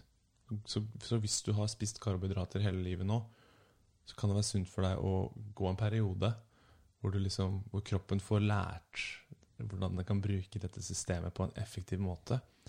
Og så snakker man om å bli liksom keto-adaptert. Og når kroppen din vet hvordan den kan bruke dette systemet, så kan man veksle litt. Så kan man gå litt inn og ut. Så kan man kanskje Og for noen så, så funker de bedre på å spise litt mer karbohydrater. Men så kanskje en uke så bestemmer man seg Vet du hva, denne uken her så kjører vi litt keto, og så lar vi kroppen kjenne litt på det, ikke sant? Men kan det være ket, kanskje et dumt spørsmål, kan det være keto-vegan? Det går an. Det går an. Det går an. Eh, så da, hvis man er interessert i det, så kan man sjekke ut det. Det er en bok som heter Ketotarian, tror jeg. Det høres hardcore ut. Det er vanskelig. Ja, Det er Hva du vanskelig. spiser da, liksom? Avokado? Kokosolje og avokado. det er ikke så mye. Palmeolje, liksom. Hvis, eh, og så bare Så blir det jo Det er det der proteinspørsmålet, ikke sant? Uh, Hemprotein og erteprotein, kanskje. Og uh, spire bønner og sånt. For det Ja. Men det er ikke noe jeg anbefaler, egentlig. Nei, det høres veldig uh, utfordrende ut. Ja. Mm, Det Ja, det tror jeg. ikke sant? Men det er noen som, som gjør det, og som ja, sikkert får det til greit. Det er helt garantert. Uh, det som jeg syns er litt rart og interessant med forskning, er at man Du finner jo alltid positiv forskning for vegan-diett, ikke sant? Ja. Og du finner alltid positiv forskning for uh, keto. Det er eh, Men det skal også sies da det er eh, Det er stor forskjell i kvaliteten på vitenskap òg. Veldig. Og det er veldig viktig. Ja. Det er det jeg mener, da. Man finner alltid noe i sin favør Ja. når man leter etter det. Yes. Ja. Så der er jeg litt sånn Etter å Jeg har jobbet mye med å dykke ned i vitenskap og liksom virkelig lese studier og, og være kritisk. Jeg er veldig sånn Jeg prøver i hvert fall så godt jeg kan å holde et åpent sinn til at de at jeg ikke vet alt, og at det er godt mulig at liksom man finner ut, hvis man finner ut i morgen at keto kanskje var i, ikke så bra som man altså, Ja, for det, jeg vil jeg jeg er veldig åpen på, for det, da. Hvis de fant ut i morgen, Ja. en tiårsstudie, Ja. som fant ut at keto det er ikke så bra, Nei. da, hva hadde du tenkt da? Nei, da hadde jeg tenkt kult. Da Ja. må jeg tilpasse meg. For det er riktig innstilling. Ja. Det er sånn innstilling man må ha til ting. da. Ja. Mm. Så det, og det har jeg på en måte gjort mye Det er en muskel jeg føler jeg har trent. Å gi slipp på ideer som jeg på en måte kanskje har uh, holdt litt til meg. da Men holde Jeg jeg liker å si at jeg holder mine ideer med liksom at, at arm's length. Så jeg prøver å skille dem fra meg. Og sånn at jeg har muligheten til å tilpasse meg bedre når det kommer ny informasjon som på en måte utfordrer det. da. Og det har, I det siste så har jeg begynt å dykke ned i sånn Man ser kanskje at keto faktisk ikke har en, en Eller det er noen som tyder på at det kan være forstyrrende for tarmfloraen din, f.eks. Uh, men da er det sånn mange som snakker om å kjøre syklisk keto, hvor du Ja, for det var jo det du snakka om i stad. ja. At man kanskje på sommeren for 100 000 år siden spiste frukt og Mm. det som var ute, og, Ja. og fikk i seg de tingene og la på seg litt. Og så på vinteren gikk man i mer i keto. Ikke sant? Og jeg har faktisk Det er litt gøy du sier det, fordi jeg er sånn uh, Kjæresten min spiser ikke så mye kjøtt. Nesten Nei. ingenting. Nei. Uh, hun liker det bare ikke. Nei. Og jeg kjenner at det er helt greit, fordi vi lager veldig god mat. Mm. Uh, men på vinteren, Ja. da trenger jeg kjøtt. Ja, Ikke sant? Da trenger kroppen min kjøtt. Ja. Mye mer. Og det ser man også at uh, kjøtt og protein og sånn, det har jo en, en økende En økende termisk effekt. dvs. det vil si at det varmer. Akkurat. Så det er jo for oss her i nord. Og ikke sant, sikkert som vi snakket om nå, at i vintrene så var det mye kjøtt. ikke sant? Det var det, var det vi hadde. Det var det vi spiste. Kjøtt og enkle grønnsaker. Ja, Ikke sant? Poteter og den slags. Så, så jeg er veldig sånn I dette virvaret av vitenskap eh, som er spennende, men som, som jeg også blir litt sånn Prøver å det, er blitt liksom sånn tydelig for meg at vi, å shit, vi bare Vi forstår egentlig ingenting. Vi tror vi forstår, vi tror vi forstår, men vi vet egentlig ikke noen ting. Og det er liksom det du forstår når du dykker deg ned, mer og mer ned i disse tingene. Når du ser på den vitenskapen vi faktisk har brukt til å produsere disse eh, kostrådene sånt, sånn, så er det bare sånn Å, shit, vi var Jeg tror vi var litt for uh, cocky eller uh, arrogante i å bare ta den beslutningen at det var sånn ting var. Ja, man vil jo også ofte at sin idé skal funke. Ja. Ikke sant? Og det er veldig viktig å mm, da se på, som du sier, da, eller vi snakker om Det er viktig å ikke lukke et øye når du ser på forskningen. Ja. Liksom bare se på Oi, keto er bra. Du Mm. må faktisk også Ja, er det noe som er skeptiske til det her? Ja. Hva sier de? Ja. Hva forsker de på? Ikke sant? Og det gjelder jo vegan og alt mulig forskning forskning rundt det her. Og som du sier, om 20 år så kan det være vi sitter og folk sitter og ler. Bare, Hva faen var det folk dreiv med da? Ja. Men jeg har på en måte hvis Jeg har vitenskapen som jeg på en måte ser på. Og så ser jeg også på bare sånn biologi og bare fysiologi. På en måte Gir det mening i den konteksten? Og evolusjonsteori også, ikke sant? Hvordan er det vi har utviklet oss? Jeg, min, min tanke om hvordan vi på en måte burde kanskje tilpasse oss, er jo at vi har Hvis man leker den leken om evolusjon, liksom, og hvordan ting har liksom formet seg på veldig, veldig spesifikt eh, og nøye liksom utkalkulert plan eh, over lang, lang, lang, lang, lang, lang tid, um, se om det gir mening i den konteksten. Gir det bare en sånn logisk mening ut ifra det jeg vet om disse tingene? Uh, og også basert på erfaring og ja, anekdotisk bevis, da. Det er gøy du snakker om det. Jeg jo, det er morsomt den boka ligger her, så at du leser litt før du kom. Ja. Terence McKenna. Food of the Gods. Ja. Jeg har bare kommet sånn 70 sider uti, men den er veldig interessant. Mm. Den handler jo om eh, menneskets evolusjon, Mm. og hvordan Det fantes jo mange menneskeraser før. Ja. Jeg tror det var På en tid så levde det vel ti eller tolv samtidig. Ja. Tror jeg. Mm. Og så er jo spørsmålet hvorfor Hvorfor var det at vi på en måte kom best ut av det og overlevde? Og, og et annet spørsmål er hvorfor vokste vår hjerne så ekstremt fort? Og når vi snakker fort, så snakker vi 60 70 80 000 år. Ja. Det er fort. Det er veldig raskt. Eh, Hvor du hadde en overdobling av størrelsen eller noe sånt? Ja. det? Eh, Og da snakker jo han det er en, Jeg syns det er en morsom teori, eller i hvert fall viktig å tenke på å ha inni der. Stone Ape, er det det? Ja. ja. At uh, vi begynte å for det første ha litt mer dyr rundt oss. Mm. De bæsjer. Mm. I bæsjen deres vokser det sopp. Ja, Nettopp. Og, og da har de sett på tre nivåer av å bruke sopp eller psykedelika. Mm. Den første er jo mikrodose. Ja. Som på en måte kan deg, gjøre deg mer oppmerksom og gi deg litt bedre syn og sånne type ting. Ja. Som er veldig spennende. Yes. Den andre er litt mer sånn ritualistisk, men ikke veldig heavy.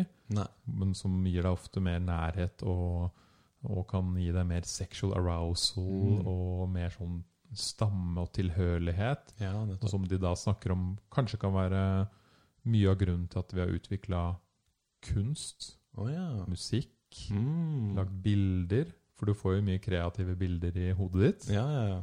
Og den siste er jo den virkelig, virkelig sjamanistiske full power Ja. eh, liksom The heroic dose. The heroic dose. Oh yes. Out into the universe. Ikke sant? Ja. Hvor han snakker om da det kan ha vært inspirasjon for det første til å begynne å tro på guder ja. og sånne type ting. Mm. Gitt kreativiteten til det. Det gir jo en religiøs opplevelse. Veldig. en Mystisk og religiøs opplevelse. Ja. Mm, som også kan ha fått folk til å holde mer sammen. De tror på ting sammen, ikke sant? Ja. Det er noe mer der ute. Det er et ideal som man, man felles retter snuta si mot, da. Ja. Mm. Så det jeg syns det er et, Det er liksom en veldig morsom sånn addition til Ja. menneskelig evolusjon. Ja. Og de har jo funnet flere steder i Afrika der på en måte sier at vår menneskerase utviklet seg og vandret ut fra. da. I hvert fall det, sånn som vi kjenner Ja. historien nå. Ja. Der vokser det oss opp. Ikke sant? Nettopp. For det var jo det som skjedde òg, at vi var det, var det rundt en tid hvor det var eh, Istiden begynte å komme, ikke sant? Og man så at det ble mer eh, konkurranse om disse plante... eh, Sånn som jeg har forstått det litt, i hvert fall. Fordi det her er interessant at du nevner det, fordi jeg har faktisk studert i det siste også. Det er et veldig, veldig fascinerende fenomen, da. Dette med den der ekstreme utviklingen av hjernen vår. Ja. Og der er det også ja, en, en, enda en ting som man kan putte inn i det bildet, som man ser i um, Blir det antropologien? Nei, det blir feil. Ja. Ar, ar, arkeologi, kanskje. Ja. Uh, at vi uh, mest sannsynlig uh, begynte å spise mer kjøtt Ikke sant? også. Fordi vi var aper. Hvis du ser på en gorilla En gorilla har en massiv mage, og den sitter på rumpa og spiser kanskje eh, 14-16 timer av dagen. Kanskje den har litt sex, og, så ligger den, og, ligger den og driter og slapper av. ikke sant? Det er dagen til en gorilla. Mm. Eh, så hva er det som foregår inni magen til en gorilla? Um, der er det et massivt, massivt tarmsystem um, fylt av bakterier.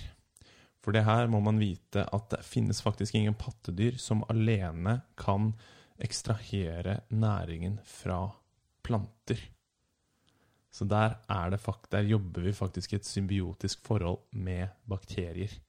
Som faktisk fermenterer mange av disse fibrene og, og plantesubstansene om til den essensielle næringen som vi Ja, altså i trenger. magen. I magen, ja. Ja. Så før det kommer inn i blodet ditt, kommer først ned i tarmen din. Der er det masse bakterier da, hvis vi ser på denne gorillaen, som omdanner det til masse fettsyrer, masse aminosyrer, masse mineraler og vitaminer. Som er de essensielle næringsstoffene vi som pattedyr trenger for å bygge kjøtt, rett og slett. Siden vi er kjøtt. Mm. Um, så det er interessant når, når uh, man ser på Ja, ok, en gorilla spiser bare planter, men hva er det som faktisk går inn i blodet til gorillaen? Og hva er det den faktisk bruker? Og da ser man at det faktisk er på et høyfett kosthold, Å ja. egentlig. Det er Av planter. Yes. Hmm. De blir omdannet til fettsyrer. Til aminosyrer. Hvorfor Um, kan ikke vi da spise de plantene? Mm, Ja. det skal jeg komme til. Ja. det er ikke det at vi ikke kan det, men, men det som skjedde, da Vi hadde disse massive tarmsystemene, og vi brukte veldig mye av energien vår på fordøyelse. Fordi dette krevde veldig mye. Ikke sant? Når du har så stor del av kroppen din som er bare tarm, så er det på en måte sånn Det var der all energien gikk. Når vi begynte å bevege oss ut fra trærne og tok den risikoen og liksom bare Nå skal vi gjøre noe nytt. Vi skal ut i det ukjente og se om det kanskje kan gi oss en, en eh, Positiv fordel. på veien. spiste vi nok sikkert litt sopp på veien. Uh, og jeg tror det starta med liksom, å kanskje spise mer insekter. Hvis man ser også at uh, man begynte å spise restene fra Hvis en løve hadde tatt en, en gazelle, f.eks., så la, lå det alltid igjen noen rester. Man begynte å spise litt av det. Og det er faktisk noen som har forsket på og gått rundt og faktisk i Afrika og sett på hvor mye mat er det faktisk i et sånn restemåltid da, fra en predator. Og det er faktisk ganske mye mat. Um, og det som er med kjøtt, er jo at der er på en måte næringen vi trenger. Det er Vi er kjøtt, og det er kjøtt. og vi kan enkelt Det er veldig næringstett, som man kaller det. Som vil si at det er mye av den viktige næringen vi trenger, samlet i Det er mer kompakt, på en måte. Det er mer biotilgjengelig, så det vil si at det blir absorbert mye mer effektivt. Og Så kunne du spare tid, da. tid og energi, Mm. rett og slett. Så det var en mye lettere skille til mat som gjorde at du slapp å bruke så mye tid på fordøyelse. Og det man også ser i tråd med at hjernen vår utvikler seg, fordi der er det også viktige fettsyrer som ligger ferdig pakket. Alle disse vitaminene nå, de, trenger, de trenges ikke å gjøres noe med dem i kroppen vår. For det er det som vi må gjøre hvis vi får disse tingene fra planter, er at vi er nødt til å omdanne dem. Og det er ikke kroppen vår Altså, det det er ikke like flink på det som om vi bare får næringen ferdig liksom aktiv, og, da, og kan liksom bare bruke den med en gang. Uh, og der er det visse fettsyrer òg som da viktig for bl.a. hjerneutvikling, som man ser man finner i kjøtt.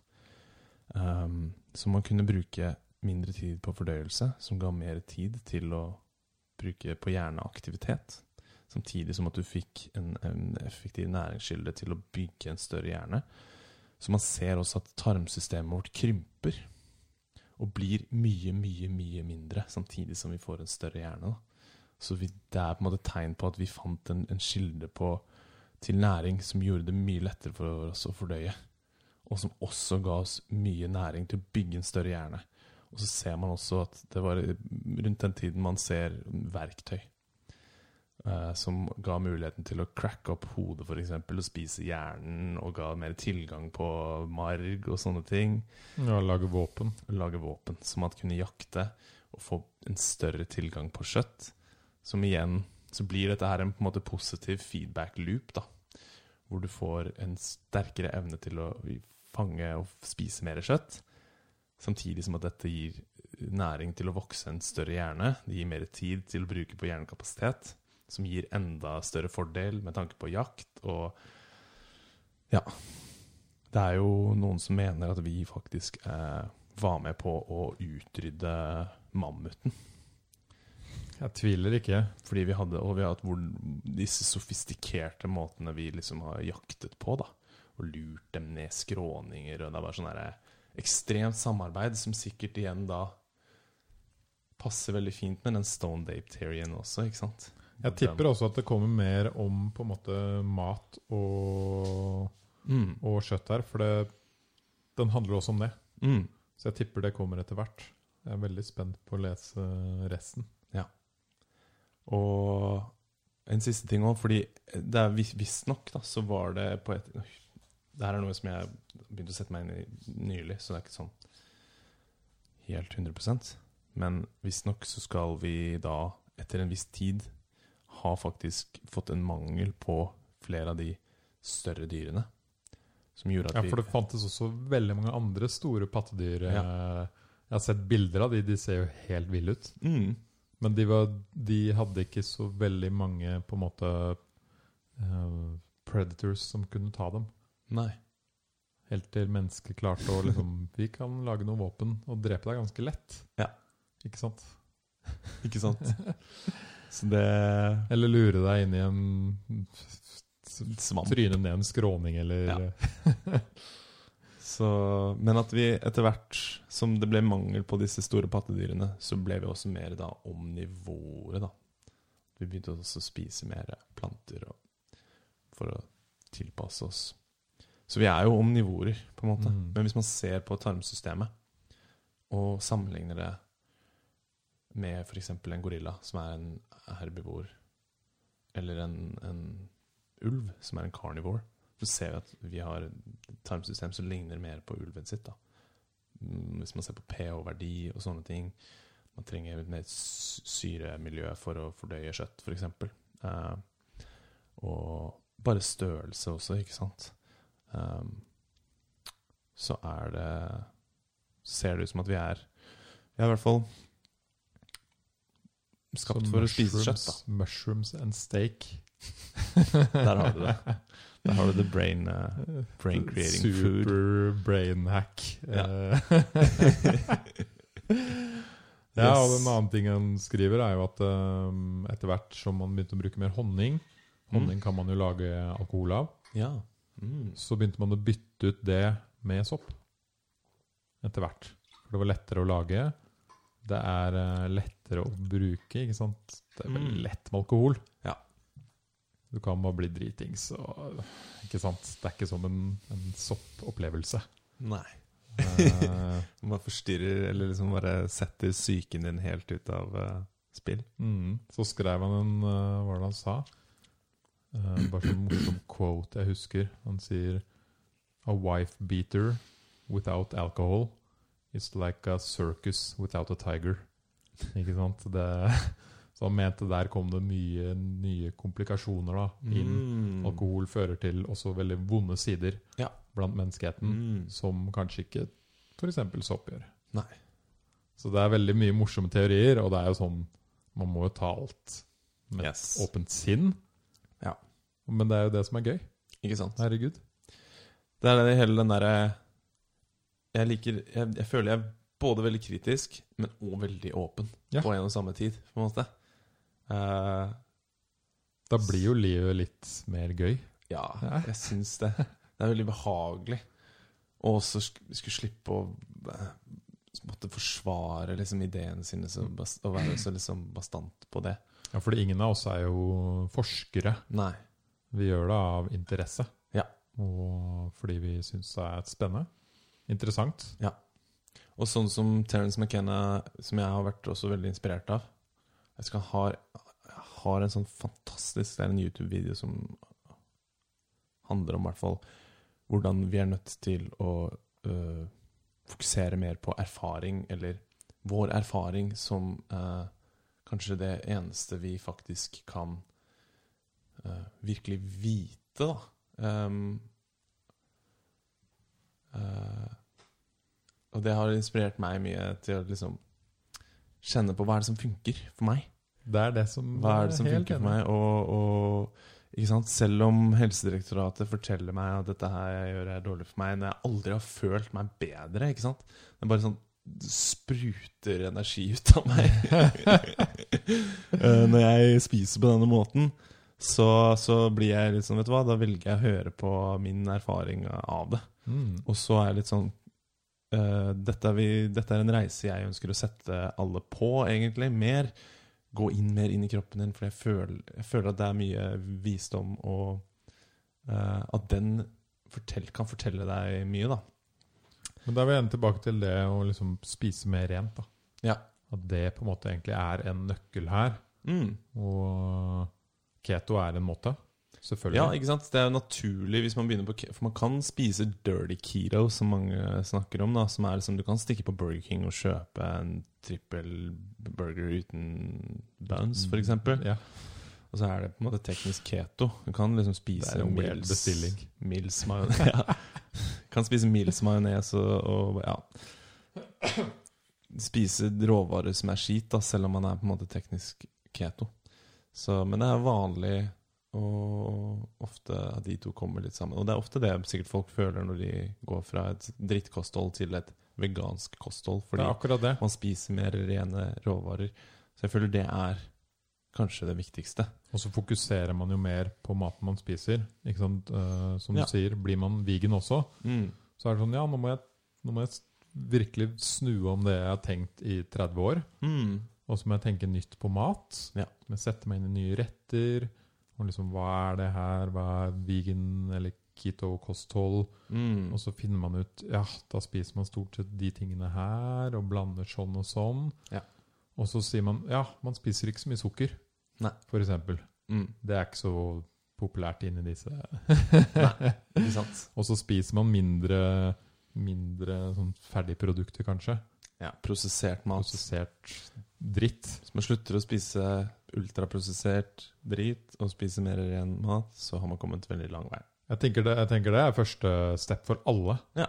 Bare Ikke sant? Eh, Ikke gå og kjøp alle de ferdige sausene og alt ferdig røkt, masse greier og Ikke sant? Nettopp. Det er ikke bra.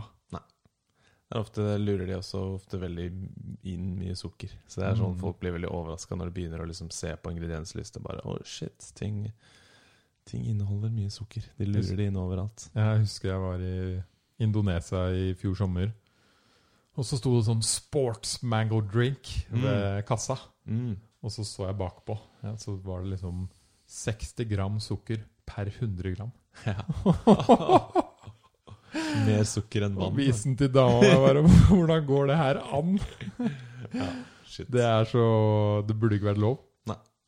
Nei, nei, nei. Uff. Og når Men du, jeg så forresten at du hadde sett uh, den der Kiss the Ground. Yes. Vi må snakke kan vi litt om snakke litt om. Ja, ja, ja. Det veldig Det går jo veldig fint inn i dette, denne ideen om å spise mer rent. Eh, Kiss the Ground, for de som ikke vet det, er jo en dokumentar som kom for et ja, par dager siden. Det var vel 22. september. Um, som handler om regenerativt landbruk, egentlig. Og hvordan den måten vi driver landbruk nå, og har drevet landbruk i tusenvis av år, egentlig har vært veldig, veldig destruktivt på uh, klimaet og bare jordsmonnet, da, som man snakker om. Eh, at eh, svære, svære landområder som var fylt med vegetasjon og liv og øk blomstrende økosystemer som vi har drevet jordbruk på og gjort etterlatt til ørkener, basically.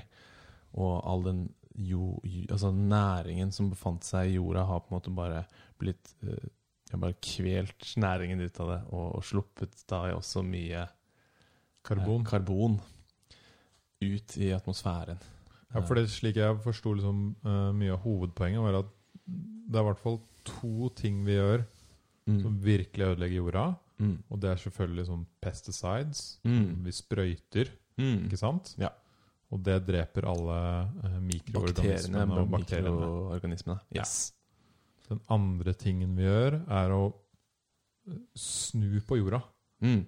Husker ikke helt hva ordet var. Vi river det opp, Vi på en måte. river opp jorda. Det er sånn tillage, men de Mm. kaller det. Men jeg ikke vet hva det er helt Men det er jo den derre når du skal så et frø, så graver du på en måte opp eh, jorda. Du røsker opp jorda, Ja. og da, det som skjer da, er at du for det første slipper ut karbon, Ja. som stiger opp Mm. i eh, atmosfæren. at atmosfæren, Ja. og vann som Og vann. sitter i jorda, som stiger opp. Yes. For jorda er eh, har en evne til å kapre, fange karbon. Og veldig mye òg. Og vann, Ja. rett og slett. Veldig mye. Så det kan være en, en sink, kaller man det. Et avløp, blir det Ja, jeg tror det. Ja. um, og det er jo litt sånn, hvis man husker i, fra naturfagstimene på barneskolen og fotosyntese det er, jo, det er jo et veldig simpelt konsept, og det er så gøy. Men det er jo bare det at eh, planter trenger Vi puster ut karbon. Ikke sant? Puster inn oksygen. Planter puster inn karbon, puster ut oksygen. Hva er det de bruker det karbonet til? De bruker det til å liksom bygge mer plante. Så det er det de bruker. Sånn som vi bruker oksygen til å bygge oss og lage energi, og sånne ting, så bruker de karbon til å eh, bygge mer av seg selv. Og de frakter også karbonen ned i jorda, hvor de også eh, deler denne karbonen til eh, mikroorganismer, til sopper. Som igjen gjør en eh, tjeneste for de ved å ja, gi dem mineraler og sånne ting. Det er et veldig interessant det symbiotiske forholdet som skjer mellom planter og sopp under jorda. Uansett, da. Så ved å stimulere plantevekst, så får vi mer av karbonen Den ut fra suger atmosfæren. det ned, ja. suger det ned uh, i jorda. Uh, og det Og, og gjør god nytte for seg. Ja, fordi når jorda får karbon, så får den en evne til å på en måte Ja, uh, et, et, biodiversitet snakker man også om. Økosystem. Det får blomstre, da. Liv. Liv Det blir mer livlig. Mm.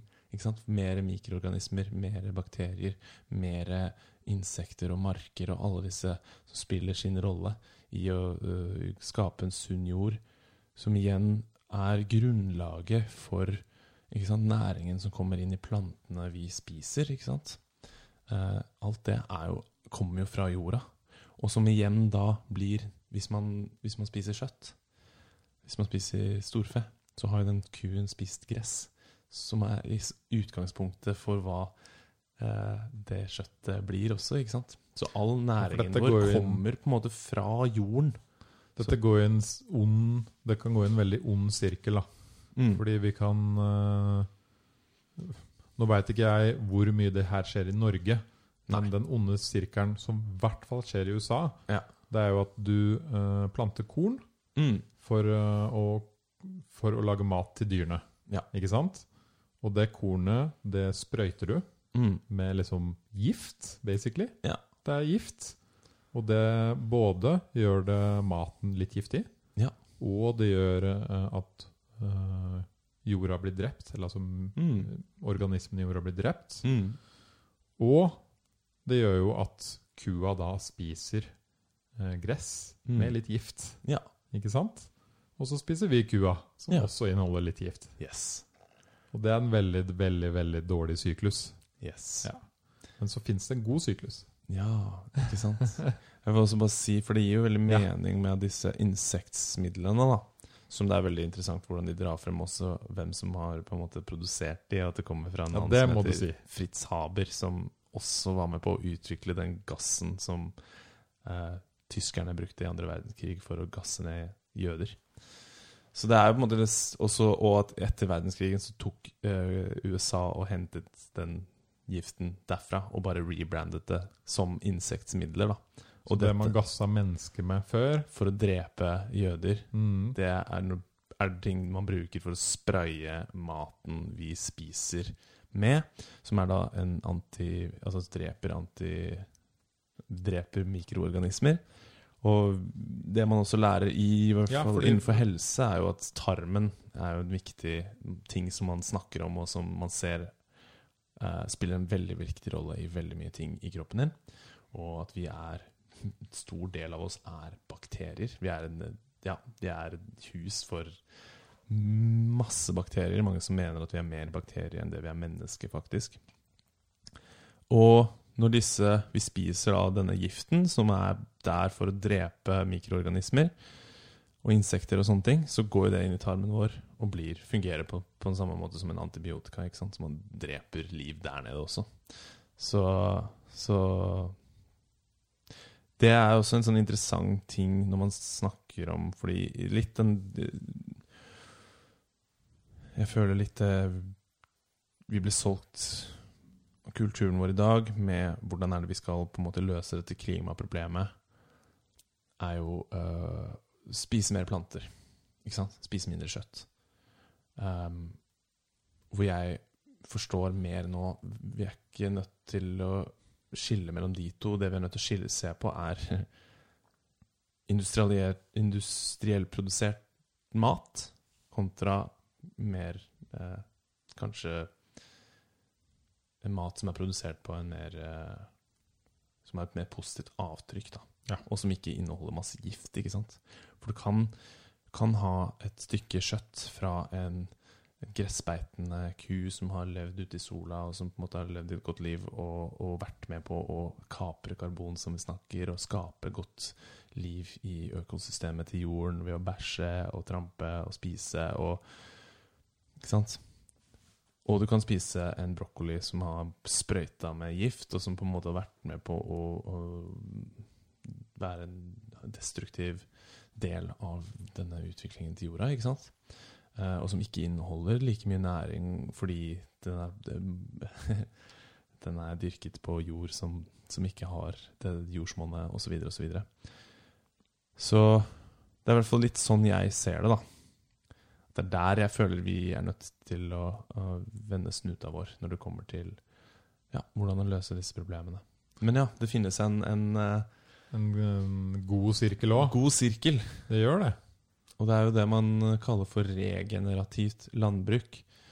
Og som det ligger i ordet, så er det et fokus på å regenerere på en måte livet tilbake i jorda. Og det er metoder som etterligner på en måte naturens uh, måte. Nat Og- naturlig gang. ja, Ja. ikke sant? Slik som naturen har utviklet seg gjennom liksom dette millioner av år, da. Uh, fordi det har en evne til å bare skape mye liv, hvis det får bare florere sånn som det, sånn som det gjør.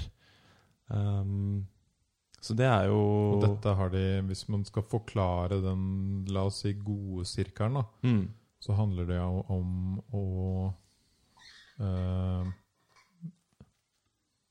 La dyr gå mer fritt. Altså For det første må du slutte å sprøyte, selvfølgelig. Ja. Og så må du slutte å, å ha rive å opp. rive opp jorda. Mm, Og det har de funnet løsninger på. Man Mm. trenger ikke å rive jorda. Man kan lage sånne små streker og liksom Mm. putte i frøene, basically. Ja. Og det de sa da, er at hvis du river opp jorda og det regner, mm, så vil bare alt vannet renne bort. Ja. Men hvis du bruker denne nye teknikken, hvor du Mm. kan rive opp jorda, så vil faktisk den beholde på vannet. Ja. Så mye av mer vannet blir beholdt i jorda da. Yes. Det er jo benefit nummer én. Ja. og det andre man bonde må fokusere på, er jo å ha dyr som går fritt. Mm, For det viste de jo da, at uh, kuer og sånne type dyr, de tråkker og driter og pisser mm, på jorda. yes. Og det er bare helt vanvittig bra. For for jorda. Ja, rett og slett. Enkelt og greit. Og høner og alt mulig, egentlig. Mm, Veldig bra for jorda. Ja. Og det siste de sa, var vel å eh, plante mer på en måte diverse, Ja. mer blandet. mm, Og da sa de eh, for det første En stor fordel med det er jo at hvis du kun har poteter, da, mm, og så kommer det et virus på de potetene, Ja.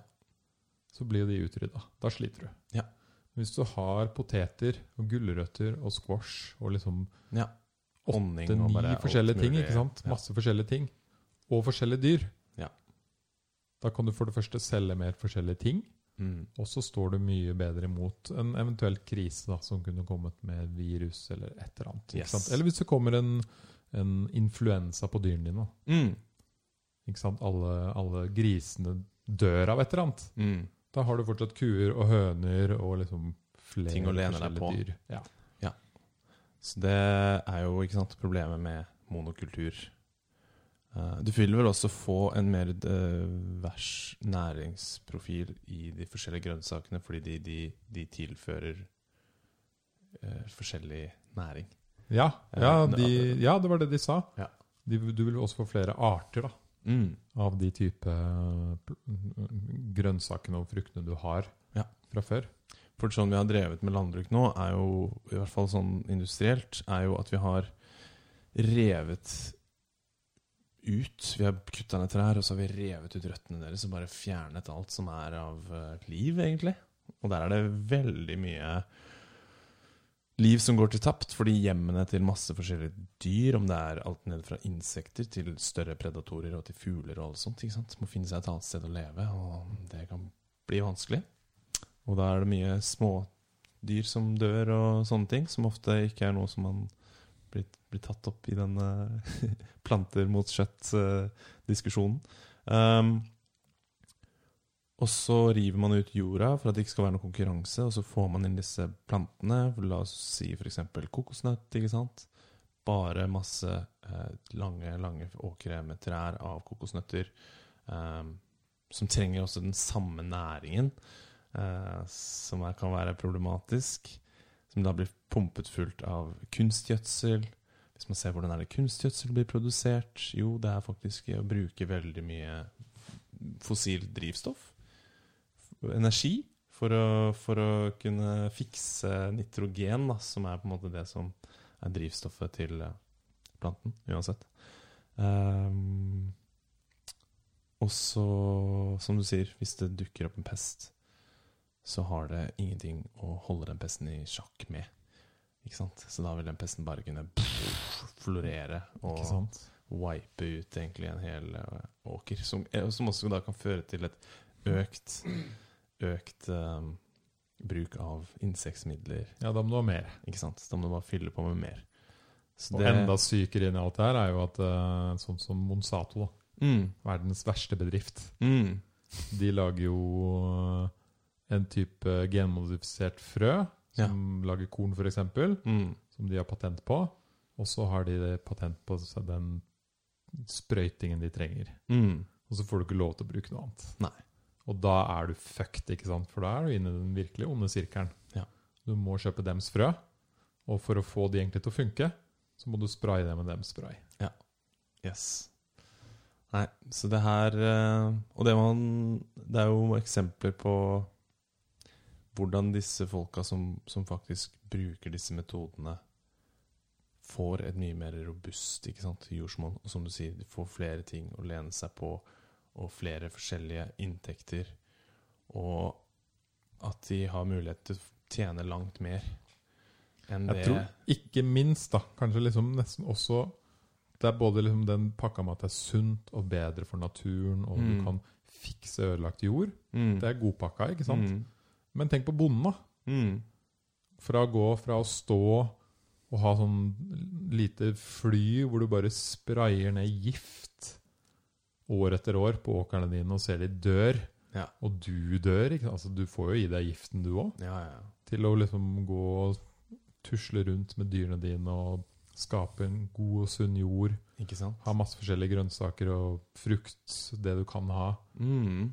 Vi så de, vi så jo forskjell på bøndene Ja. i den dokumentaren. Det var liksom de røde, slitne, halvfeite, og så var det de derre supersunne, Engasjerte. freshe, engasjerte folka som Ja. bare 'Dette er liksom det, Shit, det funker', og bare Jeg blir så glad, og jeg Ja, bare ja, ja. Når du ser liksom han på slutten står med Det her er naboen min sin åker Ja. som driver industrielt, og bare her er det en ørken. Kanskje noen planter som har liksom fått resistent mot liksom Monsanto spray og sånne ting. Og så har du åkeren min her hvor det er bare sånn fullt av liv og Og han sa jo også at hans åker var jo død fire år på rad. Ja, ikke sant? Mm. Og det var derfor han bare 'Nå må jeg gjøre noe nytt'. Mm. Og så tenkte han 'Hvordan gjorde de det før?' Ikke sant? Hvordan er det jorda egentlig fungerer? Ja. Og hva er det som egentlig skal til for å lage en sunn jord? da? Og ja, nei, så det føler det, Det det ga litt håp. å gå. Det ga veldig håp. håp. Mm. Mm. i den der veldig store sånn den klimakrisen er Ja. eh, veier tynger over oss. som sånn Ja. derre Oh, shit.